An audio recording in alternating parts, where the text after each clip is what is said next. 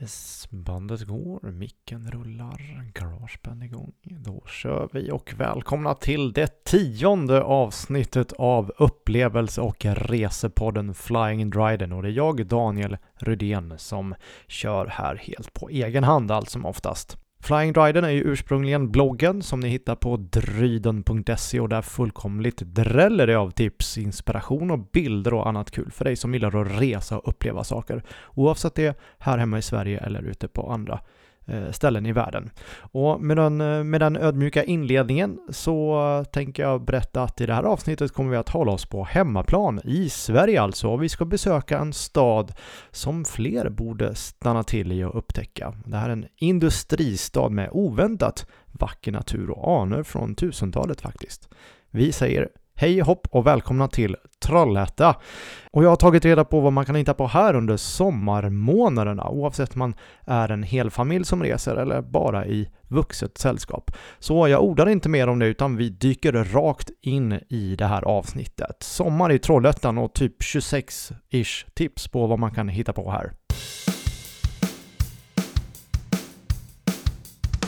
Trollhättan ligger vackert beläget på bergknallarna ovanför Göta älv som forsar förbi nere i klippskrevor och Naturum. Av alla sevärdheter i Trollhättan är just fallområdet och slussar bara ett axplock. Det finns härliga badplatser, lekparker, innovations och bilmuseum, läckra promenadstråk och bra träningsmöjligheter och mycket, mycket annat. Eh, som sagt, Trollhättan har något för de allra flesta, men jag tror nog att det är en liten doldis till stad som vi nu ska dyka djupare i. Trollhättan har drygt 50 000 invånare och ligger ungefär 7 mil norr om Göteborg i landskapet Västergötland och i Västra Götalands län. Stan har en historia som sträcker sig från minst tidigt tusental. Det drogs till exempel båtar förbi fallområdet vintern 1063-64 när den norska flottan skulle segla upp i Vänern. Området har sedan utvecklats från medeltidens kvarn och sågverksamhet till dagens industrier, teknikföretag och alla de här sevärdheterna nu som finns i stan. Från början användes namnet Trollhättan enbart om fallområdet faktiskt, medan det som idag är citykärnan hette Stranna och det gjorde det faktiskt långt in på 1800-talet.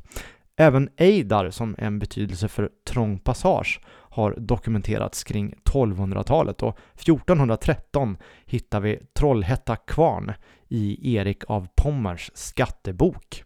Så där fick vi en liten historielektion också om den här stan, när vi ändå höll på. Det är enkelt att ta sig till Trollhättan. Från Göteborg är det motorväg i princip hela vägen upp och räknar med en körtid på 45 till 60 minuter ungefär. Från Stockholm är det ungefär 40 mil och det bästa är att köra över Örebro. Mitt i stan ligger resecentrum och hit kommer man med både buss och tåg. Från Göteborg tar det ungefär 35 minuter nonstop och från Stockholm kan man faktiskt resa utan byte nu med SJs nya direktförbindelse, vilket såklart är ett välkommet tillskott i tidtabellen.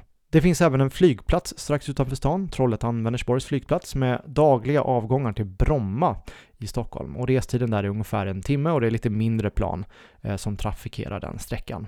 Så jag tänker att vi dyker in på vad det finns att göra i Trollhättan och kanske lite mer fokus på sommarmånaderna. Så vi kör direkt. I de nedre delarna av Trollhättans slussområde, Gamledal, finns de gamla och numera stängda slussarna. Och det här är 1800 och 1844 års slussleder, plus den som senast invigdes 1916. Här kan man promenera upp och ner och även lyssna på ljudberättelser i telefonen via QR-koder som finns längs de här promenadstråken. Och här går det faktiskt att se hur det går till när större båtar tar sig upp genom Göta älv. Vid slussarna ligger också ett litet café, Slusscaféet kallas det, och där kan man såklart slå sig ner för en fika. Det ligger på en liten höjd så utsikten är riktigt fin härifrån. Slussarna är inte särskilt stora och det upplevs lätt som millimeterprecision när de här större båtarna ska gå upp här, eller ner. Och det är absolut värt att ta sig hit lagom till att något av de större fartygen ska gå igenom.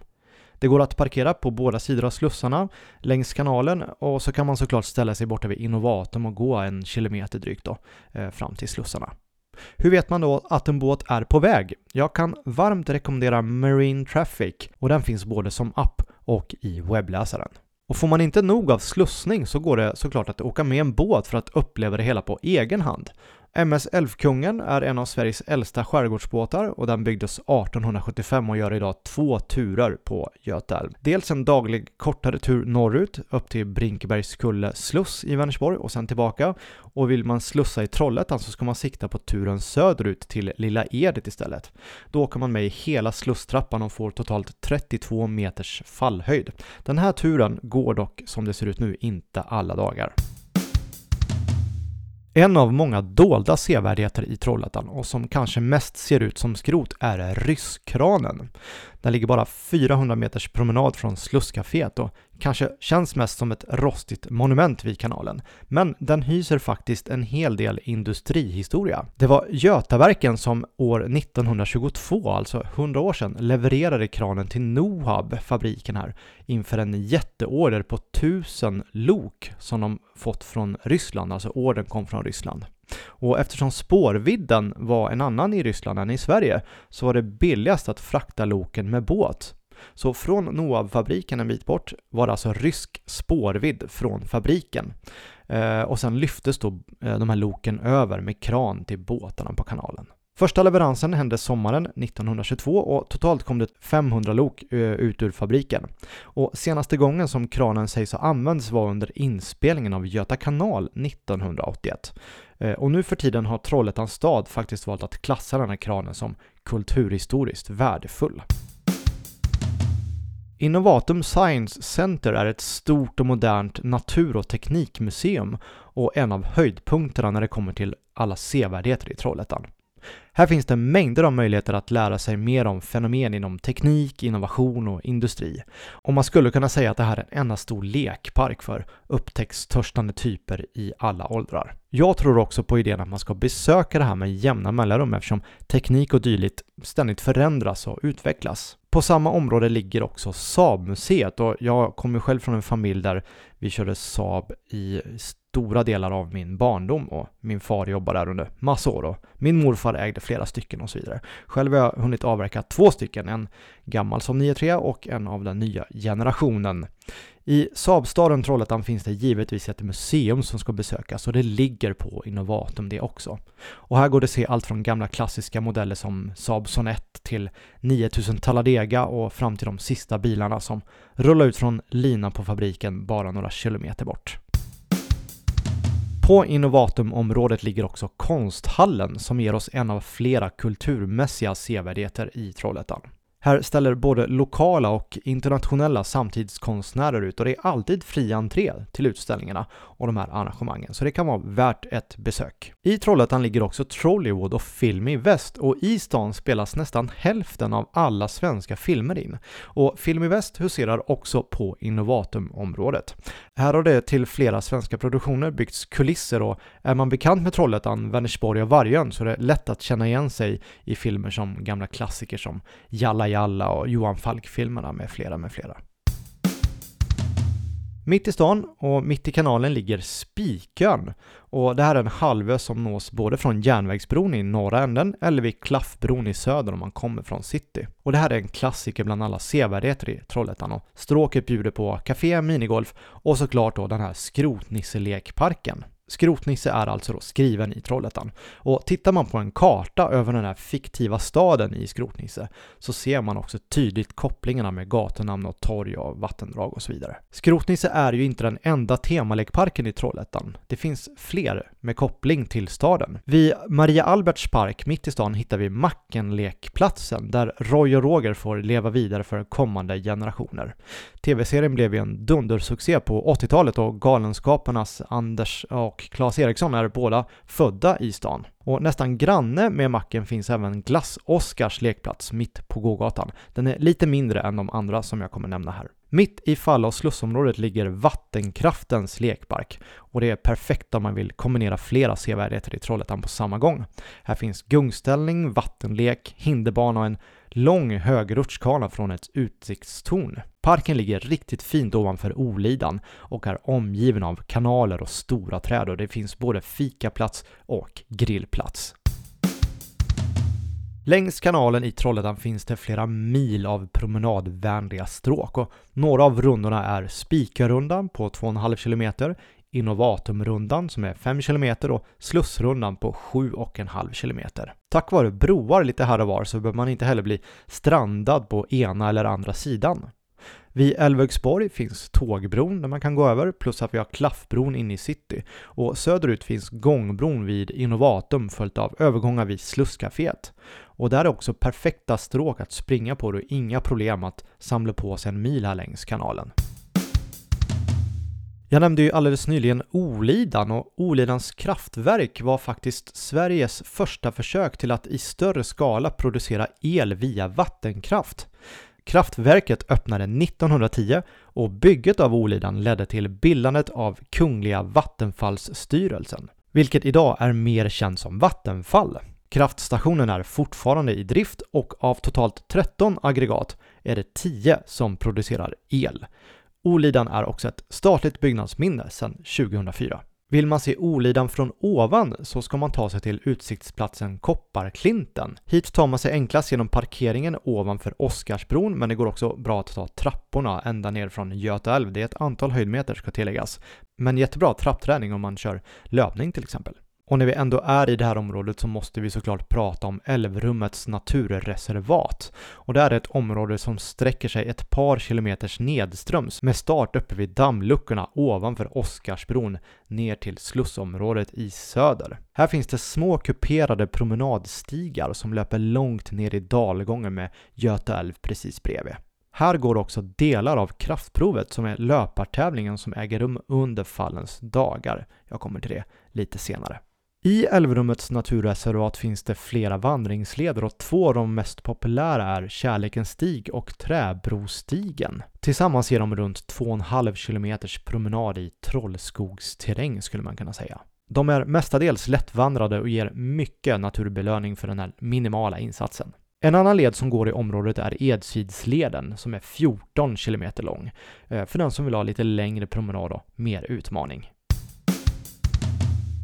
Jag har ju redan varit inne och nosat lite på Fallens dagar och i mitten på juli varje år, eller varje normalt år ska tilläggas, så går Fallens dagar av stapeln. Och det här är en gatufestival där typ halva Västsverige samlas för festligheter. Det är artistuppträdanden, krogarna har uteserveringar och det är happenings mest runt omkring i hela stan. Så Gillar man liv och rörelse så ska man verkligen ta och boka upp den här helgen om man är i närheten. Och fallpåsläppen i Trollhättan är kanske en av de mest kända sevärdheterna i stan och det är ett givet val mellan juni och augusti. Och när luckorna öppnas så forsar det ut 300 000 liter vatten varje sekund. Bäst utsikt på det här mäktiga spektaklet har man på Oscarsbron som går alldeles ovanför ravinen när vattnet kommer, alternativt någon av utsiktsplatserna norr om bron. Är man här på fallens dagar så är det knökat med folk, så var ute i god tid för de bästa platserna. Och just Fallens dagar, den, hela den festlighetshelgen inleds med löpartävlingen Kraftprovet. Och det här är ett 11,6 km långt lopp som går genom flera av Trollhättans finaste delar. Först upp i Strömslund följt av en rejäl nedförsbacke mot Oskarsbron. Sen springer man ner mot kanalen och vidare bort till Slussområdet. Och där får man kämpa sig igenom en hel rad uppförsbackar förbi de gamla slussarna innan man till slut springer i mål längs kanalen inne i stan. Det är ett tungt men riktigt roligt och framförallt vackert lopp som jag rekommenderar de som gillar att ha nummerlappar på bröstet. Vill man inte springa 11,6 km så finns det kortare varianter och det finns även bansträckor ner till 800 meter. När vi ändå är inne på träning och hälsa så finns det ju faktiskt eh, ett antal friskvårdscenter och gym och så vidare. Arena Älvögsborg finns både på Storgatan inne i city och på Innovatumområdet. Och här kan man träna både på egen hand eller köra grupppass. Man kan bada, köra relax, rehab med mera. Eh, googla på Arena Älvögsborg för att få mer information om öppettider och annat kul.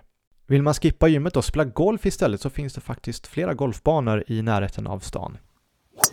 Koberg har 18 hål och ligger eh, väldigt naturskönt vid sjön Vanderydsvattnet, drygt två mil söder om Trollhättan. Eh, det finns ett riktigt klubbhus med shop och ombyte och övningsområde och så vidare. Och riktigt fint och rikt djurliv med bland annat vildsvin, så håll lite span på det. En och en halv mil norr om Trollhättan ligger Ungsjö Golfklubb, eh, hör till Vänersborg. Även den här banan har 18 hål. Här spelar man med Göta älv som närmaste granne och det finns såklart även klubbhus och restaurang, shop och möjlighet till ombyte och så vidare. Övningsområdet ligger precis vid parkeringen. Och alldeles söder om Trollhättan ligger Hörlycke Golfklubb som har nio hål.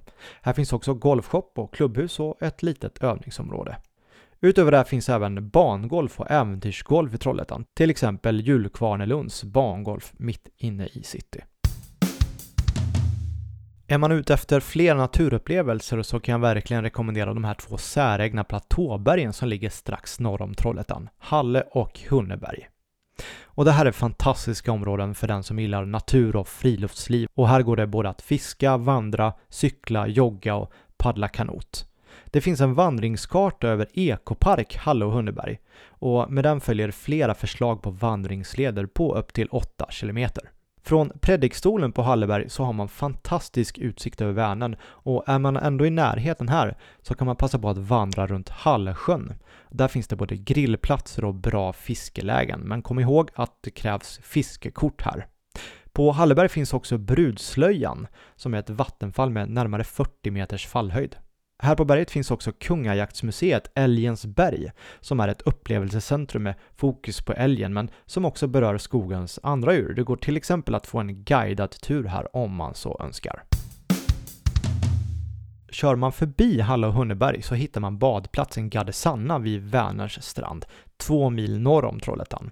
Det här är naturskönt, tillgängligt och barnvänligt och ja, det är ett område som passar hela familjen. Också väldigt populärt ska tilläggas. Ytterligare ett friluftsområde som är populärt för bland annat sina badplatser är Örsjö strax väster om Trollhättan. Munkeboviken och badplatsen Phoenix är två familjevänliga sand och grässtränder med bryggor, lekplats, kiosk och tillgänglighetsanpassade toaletter. Vill man hellre träna så finns det skyltade spår från 2,5 upp till 9 km att springa på. Och här passerar ju Edsvidsleden som jag nämnde tidigare i det här poddavsnittet. Är man intresserad av historia så kan jag rekommendera Forngården som är ett friluftsmuseum som består av ett antal hitflyttade byggnader som alla stått inför rivningsbeslut av olika anledningar. Platsen uppe i Strömslund är riktigt fin precis vid sluttningen ner mot Göta älv. Och när vi är uppe i Strömslund, vilket är Sveriges äldsta planerade egnahemsområde, är Slaskegatan värt ett besök. Här byggdes en stadsdel för arbetarna upp i slutet av 1800-talet med trånga rensningsgränder då för att samla upp avfallen, därav namnet. Nu har det här renoverats och är öppet för allmänheten. Och även om det har byggts mycket nytt här så finns det fortfarande hus i original kvar, bland annat i kvarteret Frigga. Ja, det där var alltså Trollhättan med en hel drös av tips, framförallt för sommarmånaderna.